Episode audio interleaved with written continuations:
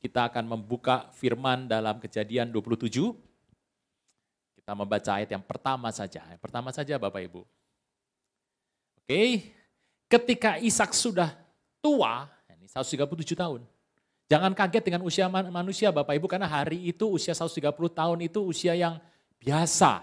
Kalau sekarang luar biasa Bapak Ibu, nggak ada orang 137 tahun. Orang yang paling tua di dunia ada 100, 110 kalau nggak salah. Udah tua sekali. Tapi zaman itu 137 masih ya ini belum meninggal, meninggal 160-an Bapak Ibu. Belum meninggal 137, tapi sudah tua. Matanya telah kabur dan dia tidak dapat melihat lagi. Orang sudah tua seperti itu dan Ishak ini sudah mengalami matanya kabur sejak dia usia yang 137 tahun. Dipanggillah Esau, anak sulungnya, dan berkata kepadanya, anakku. Esau tahu kenapa dipanggil. Bapaknya ini sudah rasa sudah tua, sudah tidak mampu apa-apa, dan dia ingin supaya dia memberikan berkat yang disebutkan hak sulung.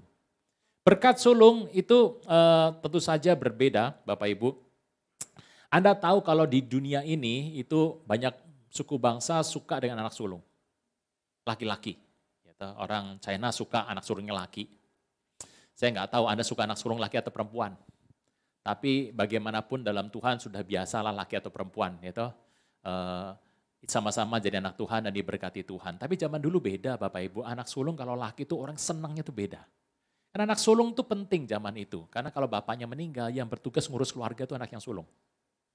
Anak sulung ini menjadi patokan eh, budaya yang kuat dalam Alkitab kita, bagaimana Tuhan mau bicara kepada generasi lepas generasi lepas generasi. Nah Bapak Ibu, kalau Anda tahu anak sulung sekarang, wah ini kalau zaman dulu tuh orang tuh menghormati para tua-tua itu luar biasa. Makin ke sini, seperti apa yang Alkitab katakan dalam 2 Timotius 3, orang makin gak menghormati orang tuanya loh Bapak Ibu. Kita tahu, ah, Anda tanya apa buktinya Pak? Oh saya masih menghormati, lah kita lihat aja. Indonesia, presiden pertama, oh, sebutnya panjang loh. Paduka yang mulia, presiden seumur hidup, Bapak proklamator, insinyur, Soekarno. Oh, panjang. Soekarno. Ganti yang kedua. Bapak Presiden Soeharto. Lo makin pendek itu. Makin pendek itu. Ganti lagi yang ketiga. Bapak Habibie. Pendek sekali. Habis itu Gus. Gus, langsung pakai Gus. Udah nggak ada bapaknya, nggak ada bapaknya. Gus. Ganti lagi Mbak Mbak lu, pakai mbak. Udah. Yang berikutnya SBY. Enggak, namanya siapa? Yang tahu cuma orang Indonesia. Anda cuma Anda tahu. Penggantinya, oh, singkatan lagi. Ini jangan-jangan nanti habis ini sebutannya, waduh, gak jelas namanya siapa. Makin lama gelar itu hilang. Itu pola budaya. Anak sulung zaman itu, zaman Ishak ini, sangat dihormati sekali anak sulung. Anak sulung itu pembawa nama keluarga. Nah saya nggak tahu Anda bagaimana dengan hidup Anda, tapi saya percaya sebagai anak Tuhan bahwa kita membawa nama keluarga kita masing-masing. Nah Bapak Ibu, ini yang menarik. Saud Esau, ya Bapak. Dipanggil toh, nak sini nak. Dan anaknya berkata, ya Bapak. Berkatalah Ishak, lihat aku sudah tua. Aku ini nggak tahu kapan aku mati. Jadi sekarang gimana nih? ambil senjatamu, tabung panahmu, dan busurmu pergi ke padang, burulah bagiku seekor binatang. Olah bagiku makanan yang enak seperti yang ku gemari supaya itu bawalah kepadaku supaya ku makan agar aku memberti engkau sebelum aku mati. Permintaannya sebelum mati adalah makan. Nah itu, itu, itu. Itu, itu. Ya, makan, Ishak makan. Wah, Esau langsung siap dia pergi, dia ambil busurnya, dia pergi padang. Esau itu seorang pemburu. Terkenal sekali, Esau itu adalah seorang yang sangat canggih dalam berburu. Badannya itu berbeda dengan Yakub. Tapi kan dia kembar Pak. Iya dia beda. Esau itu berbulu. Dan saya ngerti kalau ngeliat Esau itu mengerikan, iya ngerti. Apa kalau kena udara sore itu ya, sinar matahari sore. Itu di tanah berdebu, tanah perjanjian yang berdebu, dia kalau sore teriak, wah, oh itu bulunya kibar itu. Bapak Ibu, jangan berpikir bahwa bulunya cuma banyak. Bulunya itu seluruh tubuhnya berbulu lebat. Dan bulunya itu warnanya merah. Ngeri Bapak Ibu ya. Itu kalau dia teriak, wah, itu serigala sama singa pelukan itu. Esau luar biasa. Esau pergi. Masalah utama keluarga ini adalah suami dan istri tidak sepakat. Biasa Pak, di rumah saya juga begitu. Oh, jangan begitu Bapak Ibu. Masalah yang pertama dalam hidup Anda yang sudah menikah adalah suami dan istri tidak sepakat. Saya mau beritahu itu masalah besar. Anda bilang ini biasa Pak, tidak biasa. Suami dan istri harus sepakat. Jika Anda tidak seperti ini, usahakan sepakat. Ah Pak, pisah aja Pak. Tidak ada kata pisah dalam rumah tangga. Jadi kalau Anda berkata, ini pisah juga gampang, alternatif pisah sudah tutup pintu. Nah, masalahnya Ribka itu mendengar perkataan itu. Dan dia bilang sama anaknya, kan e, Ribka kan sayangnya sama e, anaknya yang kedua. Sedangkan bapaknya suka makan. Makanya kenapa Ishak itu 137 tahun sudah buta. Pada hari itu orang 137 tahun itu kira-kira usianya kalau orang meninggal 70 tahun ya usianya uh, sekitar 42 tahun. Masih muda loh Bapak Ibu. Tapi kenapa dia bisa buta? Jawabannya, wah ini, ini kena diabetes mellitus ini. Nah lihat sendiri, benar tuh. Sudah buta, gak bisa lihat, permintaan terakhirnya makan. Nah, kemudian dia pergi ke sebuah tempat di Padang, Ribka ngomong sama Yakub. Sudah, kamu saat ini harus mengambil bagianmu. Mami akan buatkan makanan enak dari kambing domba. Diolah seperti kesukaan bapakmu. Anda tahu, Esau itu nggak hanya mewarisi kemampuan berburu, tapi juga masak. Chef terhandal hari itu adalah Esau. Gurunya, maminya. Nah, maminya ini masak. Setelah masak, apa yang terjadi? Dia olah masakannya, lalu ayat 11. Cepat aja Bapak Ibu, langsung ke sini. Kata Yakub pada Ribka, ibunya, tapi esok kakakku adalah seorang yang berbulu badannya, sedang aku ini licin. Mungkin ayahku akan meraba aku nanti yang menyangka bahwa aku memperolok dia. Dengan demikian, malah kutuk yang datang bukan berkat. Ibunya berkata, aku yang nanggung kutuk itu anakku. Sudahlah, dengarkan saja perkataanku. Pergilah ambil kambing itu. Kemudian kulit kambingnya dilepas sama Ribka, dipasang ke badannya Yakub. Jadi Yakub itu licin dia pakai bulu kambing. Bapak Ibu kalau Anda tahu kambing, itu jangan melihat kambing di Indonesia itu wedus gembel. Anda lihat kambing yang di sana itu, Anda tahu Shaun the Sheep, Shaun the Sheep tahu ya? Nah, nah itu itu itu ya. Ya seperti itu. Jadi tolong ngerti kambing hari itu adalah Shaun the Sheep itu. Nah, apa yang terjadi? Kemudian sudah dikasih, tangannya dikasih, sini dikasih, semua badannya. Dan dia ambilkan bajunya Esau. Persis Esau. Kemudian kembar ya, sama tuh. Begitu dikasih bulu, ya sudah sama sama Esau. Bawa makanan itu kepada bapaknya. Dan kita kemudian dia memberikan makanan yang enak dan roti yang diolahnya kepada Yakub anaknya. Ayat 18 khotbah kita mulai sekarang. Nah ini, ini, ini mulai khotbah 12. Yakub masuk ke tempat ayahnya dan berkata, Aba, ini dimulai kisah ini.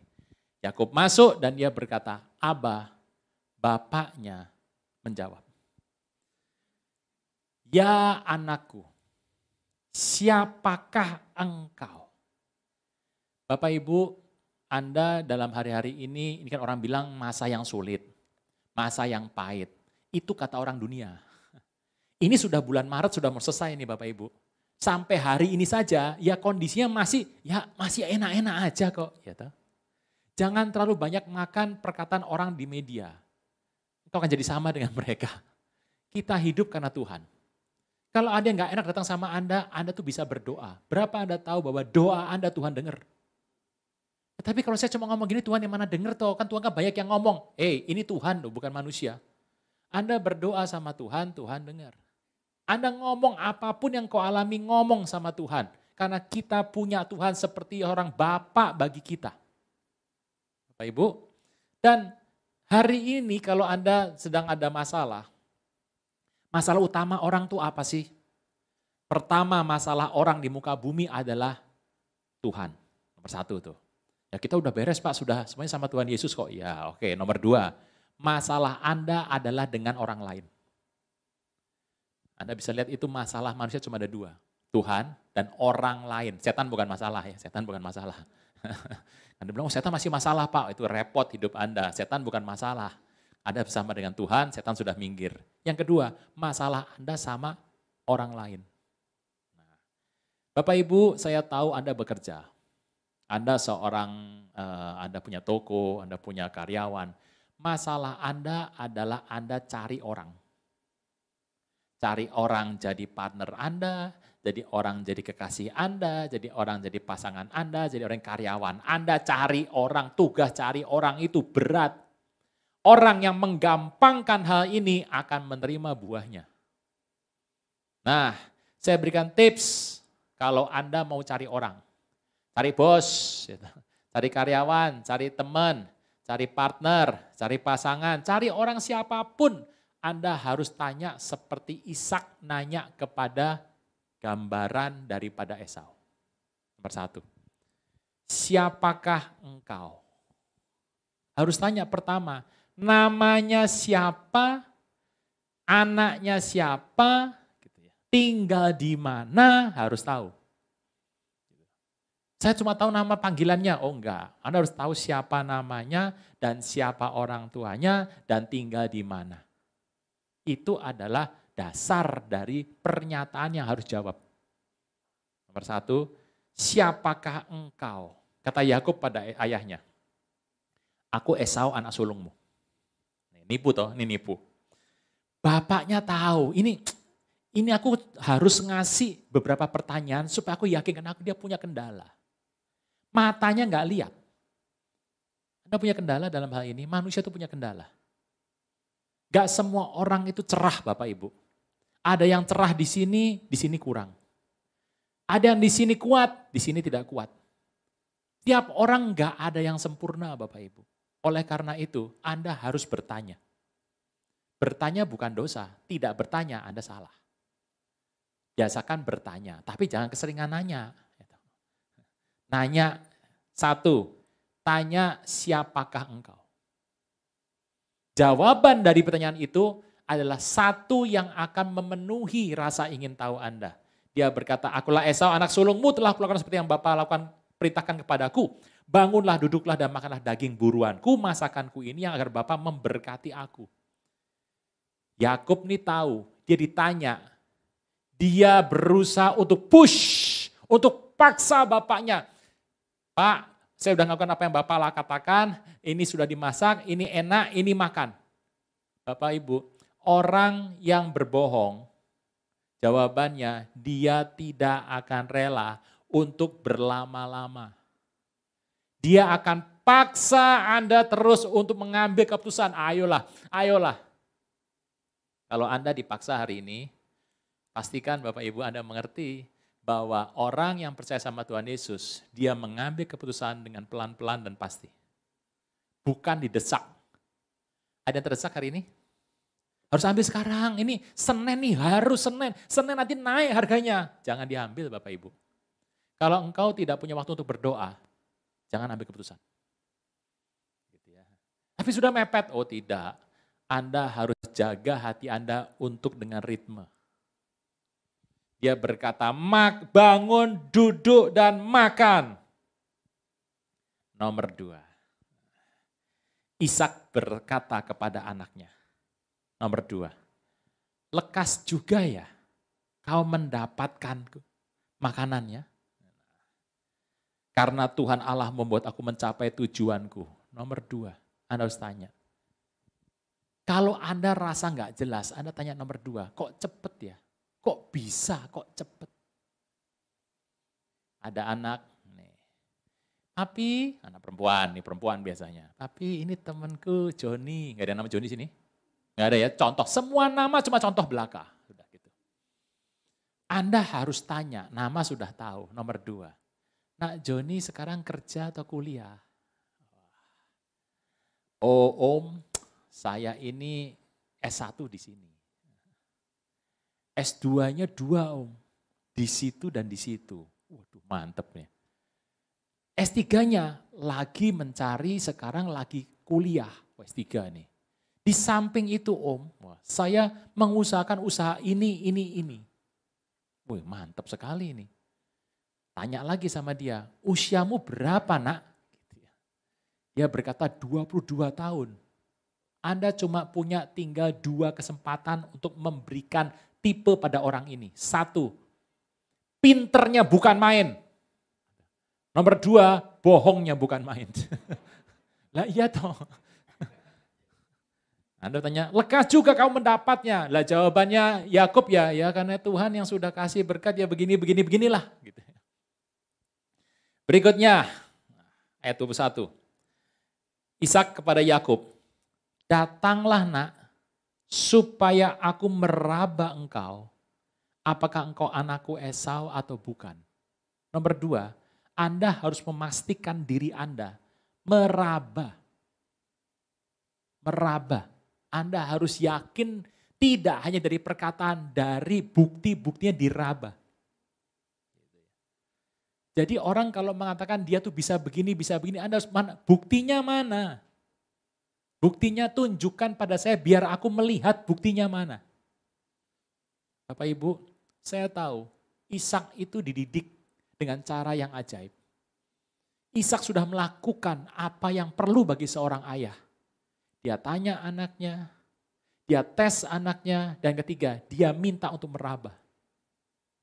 Jadi kalau ada orang bilang, oh om, saya kerja di sini. Gitu. Oh, saya dalam sebulan. Waduh, saya punya penghasilan om. Waduh, M om, M. Nah, ini M apa ini? banyak M itu banyak sekali. Anda harus tanya buktinya mana.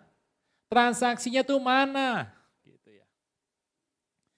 Dan anaknya berkata, Yakub berkati Ishak ayahnya dan ayah itu merabanya dan berkata, kalau suara, suara Yakub, Bapak Ibu, Anda yang sudah mau punya mantu, Anda harus tes suara. Ah, tes suara gimana Pak? Oh, berdoa bersuara loh Bapak Ibu. Datang malam-malam ke rumah. Mami, ini Joni yang aku ceritain sama Mami. Nah, Joni kan masih malu-malu toh, Joninya. Tante kan gitu. Anda sebagai ibu, Anda bilang, nak Joni, mari masuk anggap rumah sendiri kita makan sama-sama. Nah Joni kan sopan, masuk, iya tante, omnya mana? Anda harus bilang, om belum pulang, om masih rapat. Nanti malam om akan pulang untuk ketemu sama kita. Ayo nak Joni makan. Anda perhatikan waktu dia duduk makan itu perhatikan. Nah, Anda berkata, nak Joni ada makanan yang ala kadarnya. Wah enggak tante ini mewah kok. Kan gitu. Ayo mari kita berdoa.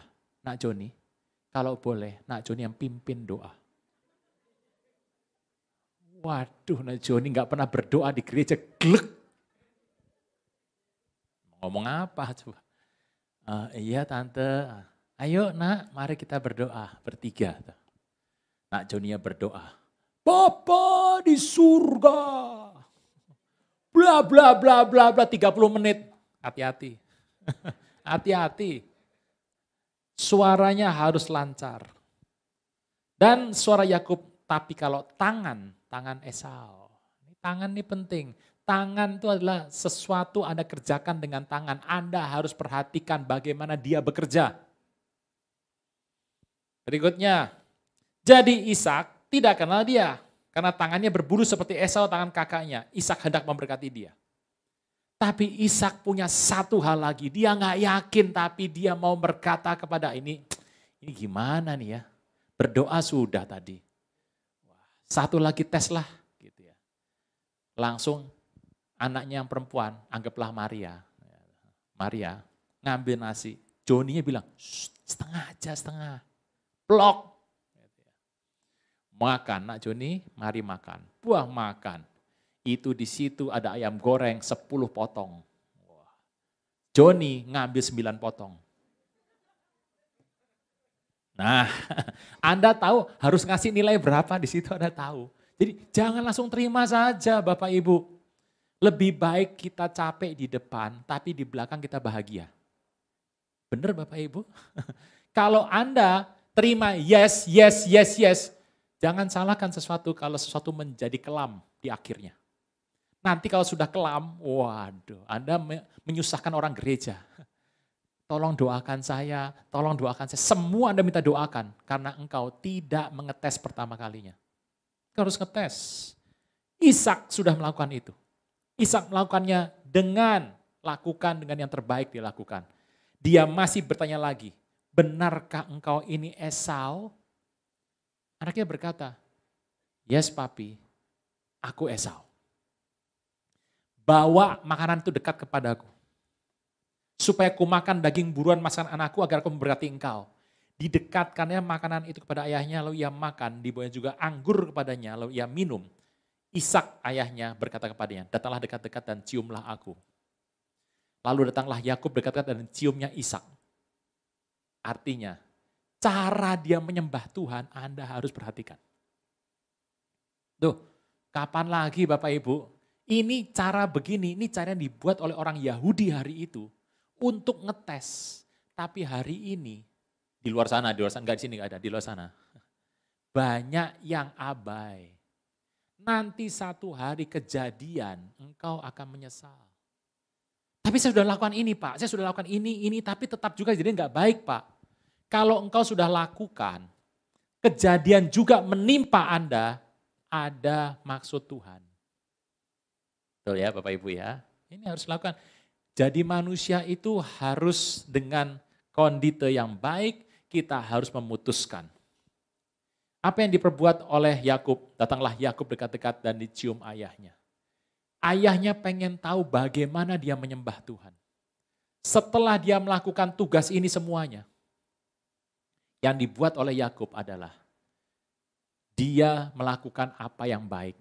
Bapaknya memberkati dia. Anda mau diberkati? Walah, walah, walah, walah. Anda mau diberkati Bapak Ibu? Nah, saya akan bacakan berkat untuk Yakub. Nanti kalau Anda yakin itu bagi Anda, Anda katakan amin saja.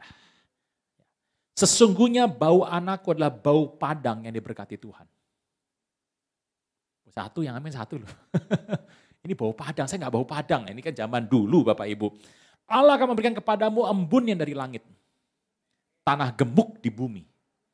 Ada tanah kurus Pak. Tanah gemuk itu artinya sumber daya banyak gitu loh.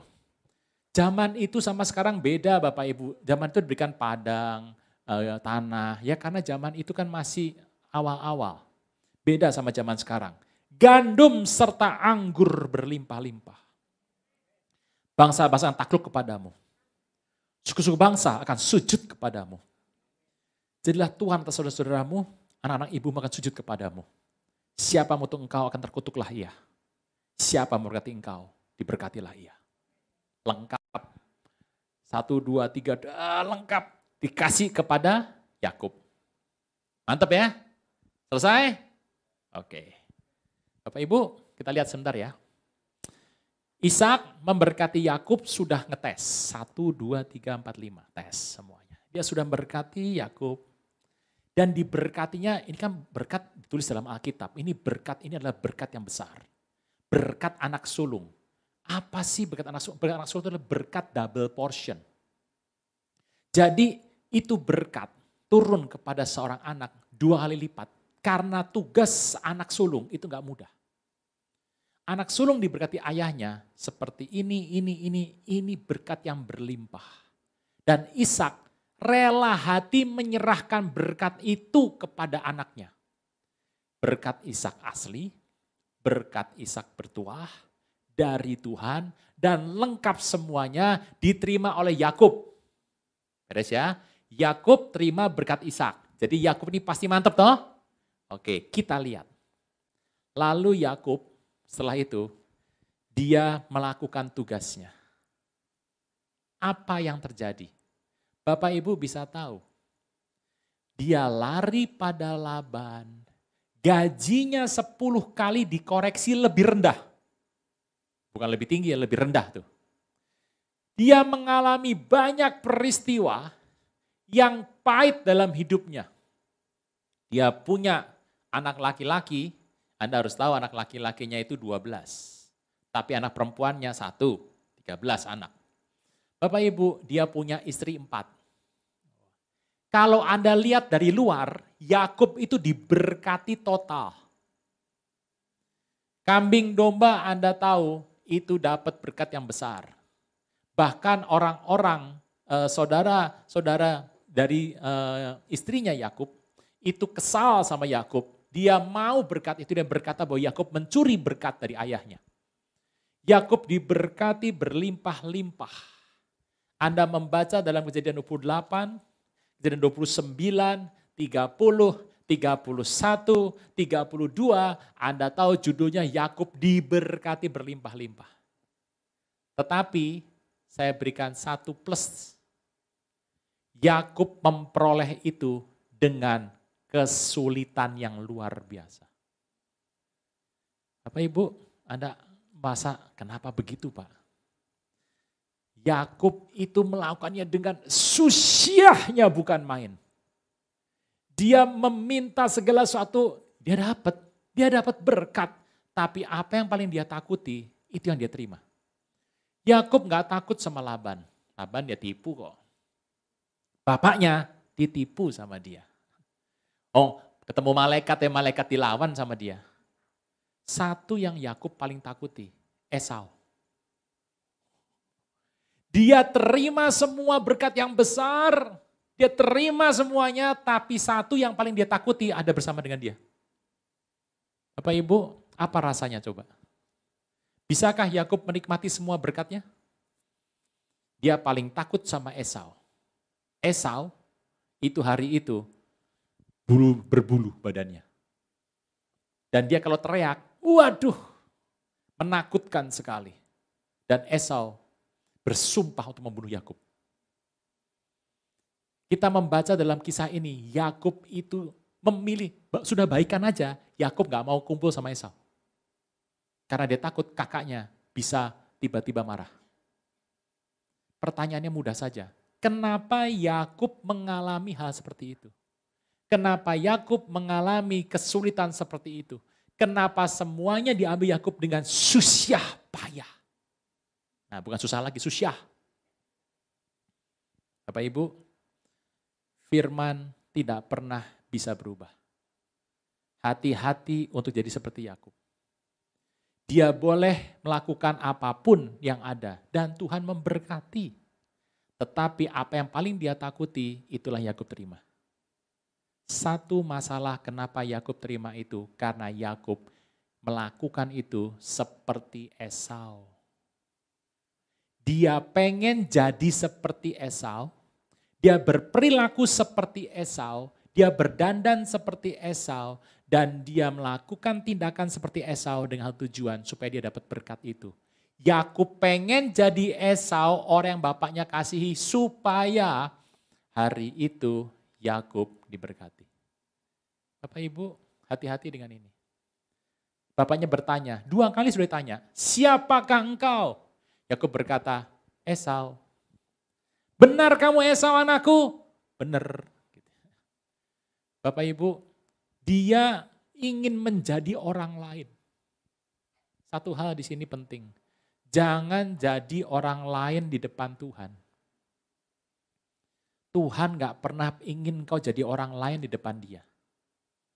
Yakub melakukannya, diberkati. Yakub itu anak Abraham, Ishak dan Yakub tiga kok. Diber, diberkati berlimpah-limpah. Menjadi orang paling berhasil pada zaman itu. Iya jawabannya. Tetapi bayang-bayang maut mengikuti dia. Apa rasanya? Orang pikir engkau baik, ini kan lagi zaman flexing nih, flexing ya, flexing. Wah, mewah-mewah di medsos, orang nggak tahu kehidupannya. Bapak Ibu, ayat ini bagus sekali. Orang melihat yang baik, Tapi Tuhan tahu hatinya apa. Yakub pengen jadi Esau. Yakub ingin bertindak seperti Esau. Dia berkata, akulah Esau. Dia berkata pada bapaknya, engkau siapa? Aku Esau, anakmu. Dia berpikir Esau bisa senangkan bapaknya. Dia berpikir berkat Esau lebih besar daripada dia. Saudara saya Tuhan, hari ini kita belajar untuk puas sama diri sendiri. Kita tahu bahwa Tuhan mengerjakan bagi kita sebuah rencana yang besar. Engkau bersama dengan Tuhan lebih dari cukup. Bapak Ibu, hari ini kita belajar dari Yakub. Yakub tidak pernah tahu bahwa apa yang dia buat Tuhan tidak setujui. Memang diberkati, tapi berkatnya berdampak pada diri Yakub. Hari ini, ini penting sekali. Kalau Anda ingin diberkati Bapak Ibu, Anda harus mengerti bahwa pernyataan yang salah, perkataan yang salah, perbuatan yang salah tidak jadi berkat bagi orang lain. Kita lari ke kejadian 32. Ini bagus sekali. Satu ketika Yakub akhirnya dia terpojok di sungai Yabok dan dia bergumul dengan malaikat. Bergumul dengan malaikat. Saya nggak tahu berapa lama, malaikatnya bertanya kepada Yakub ayat 27. Jadi 32 ayat 27. Bertanyalah malaikat, siapa namamu? Bapaknya tanya tadi, jawabannya siapa? Esau. Tanya dua kali, namamu siapa? Esau, jawabannya. Kali ini orang itu bertanya, siapa namamu? Yakub kelihatannya suka nama Esau, artinya merah. Edom, artinya Edom, berbulu atau merah. Sedangkan nama Yakub itu nggak bagus, splinter, penipu. Ditanya, siapa namamu? Yakub. Untuk pertama kalinya, dia jujur dengan pertanyaan Tuhan. Namamu tidak akan disebut lagi Yakub, tetapi Israel. Ish manusia, El Elohim, Sera bergulat. Nah, Sera. Jadi kalau Anda ngasih nama anak perempuan, Anda harus tahu. Namanya siapa? Sarah. Nah, itu. Sarah artinya pegulat. itu. Atau Sarah, suku agama ras aliran. Cuma dua aja Bapak Ibu. Jadi hati-hati pakai nama kasih nama anak tuh harus jelas, belakangnya harus jelas. Sarah, pakai H dulu. Kasih nama anak Sarah. Sarah pakai H.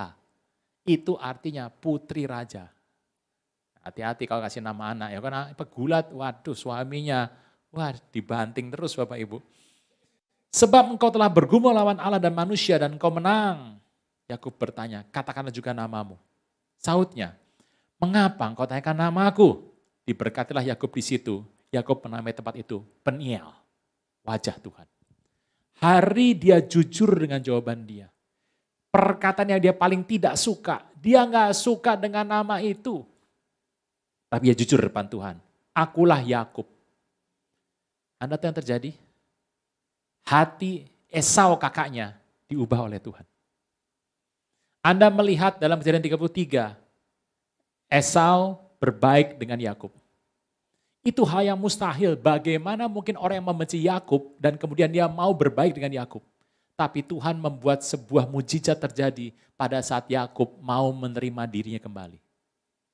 Saya Tuhan, masalah hidup dalam manusia terhadap orang lain adalah kadang kita tidak mau menerima diri kita seperti adanya kita. Kita berusaha menambahkan diri kita, berusaha menambahkan sesuatu isi dari hidup kita supaya orang lain menerima kita. Bapak Ibu, itu hal yang berat ya Bapak Ibu ya. Nah hari ini seperti Yakub. Tuhan, aku tuh begini. Aku tuh begini dan aku tuh harus jadi begini. Aku tidak mampu, tapi engkau yang mampu. Yakub mengakhiri hari itu dengan mengatakan, akulah Yakub, akulah sang penipu itu. Aku seplanter itu. Apa yang terjadi? Hal yang paling dia takutkan diubah oleh Tuhan. Jadi 33 kita baca ayat 9. Penutup, penutup. Terakhir, terakhir, terakhir. Itu terakhir. Wih lama banget Pak. Ini terakhir. Tetapi Esau berkata, Aku punya Rab, adikku. Aku punya banyak. Aku punya limpah. Apa pun di muka bumi ini aku punya. Mantep ya, Esau itu mantep ya. Ditinggal 22 tahun sama Yakub, dia menjadi orang terkaya darah situ. Anda kalau mau mengatakan lebih kaya siapa Esau dengan Yakub hari itu, Anda akan tahu jawabannya Esau lebih kaya. Secara tampak dengan mata, Esau lebih kaya. Tapi Yakub mengatakan demikian. Ayat 11. Terimalah kiranya pemberian salamku ini yang telah kubawa kepadamu. Sebab Allah telah memberi karunia kepadaku. Dan aku pun, I have everything. Aku memiliki semuanya. Jiwa, tubuh, materi, dan roh. Aku memiliki segala sesuatu. Bapak Ibu, Anda boleh pilih sekarang. Ingin memiliki banyak atau memiliki segala sesuatu. Memiliki segala sesuatu mungkin secara manusia tidak banyak. Tapi dia punya segala sesuatu. Hari itu Yakub menang. Esau dia dikasih sama Yakub kambing domba, gitu. dikasih uh, anak buah oleh Yakub, uh, pesuruh-pesuruh diberikan kepada Esau. Esau nolak, de ini buat apa? Aku sudah punya banyak yang begini. Tetapi Yakub berkata, aku punya segalanya. Karena apa? Karena dia menerima, akulah sang penipu itu. Aku yang melakukan ini. Anda lihat setelah itu, hidup Yakub berubah. Nah, hari ini, siang hari ini Anda mengerti kisah ini. Datang sama Anda. Kadang-kadang kita menambahkan sesuatu dalam hidup kita supaya orang terima kita. Memang kita harus menjadi lebih baik, tetapi berbohong terhadap sesuatu tidak baik. Bapak Ibu, datang sama kita firman ini, supaya kita melihat siapakah kita depan Tuhan. Di hadapan Tuhan kita tuh siapa? Tuhan, inilah aku. Banyak orang berkata, inilah aku Tuhan. Nah, utuslah dia. Ya, bukan aku yang diutus, dia yang diutus. Bapak Ibu, depan Tuhan kita terbuka apa adanya. Tuhan, inilah aku. Yang tidak mampu, yang melakukan hal yang jahat, tapi aku mau berubah. Yakub diubah Tuhan. Dan firman datang sama kita hari ini. Supaya kita bersama-sama berubah demi untuk Tuhan.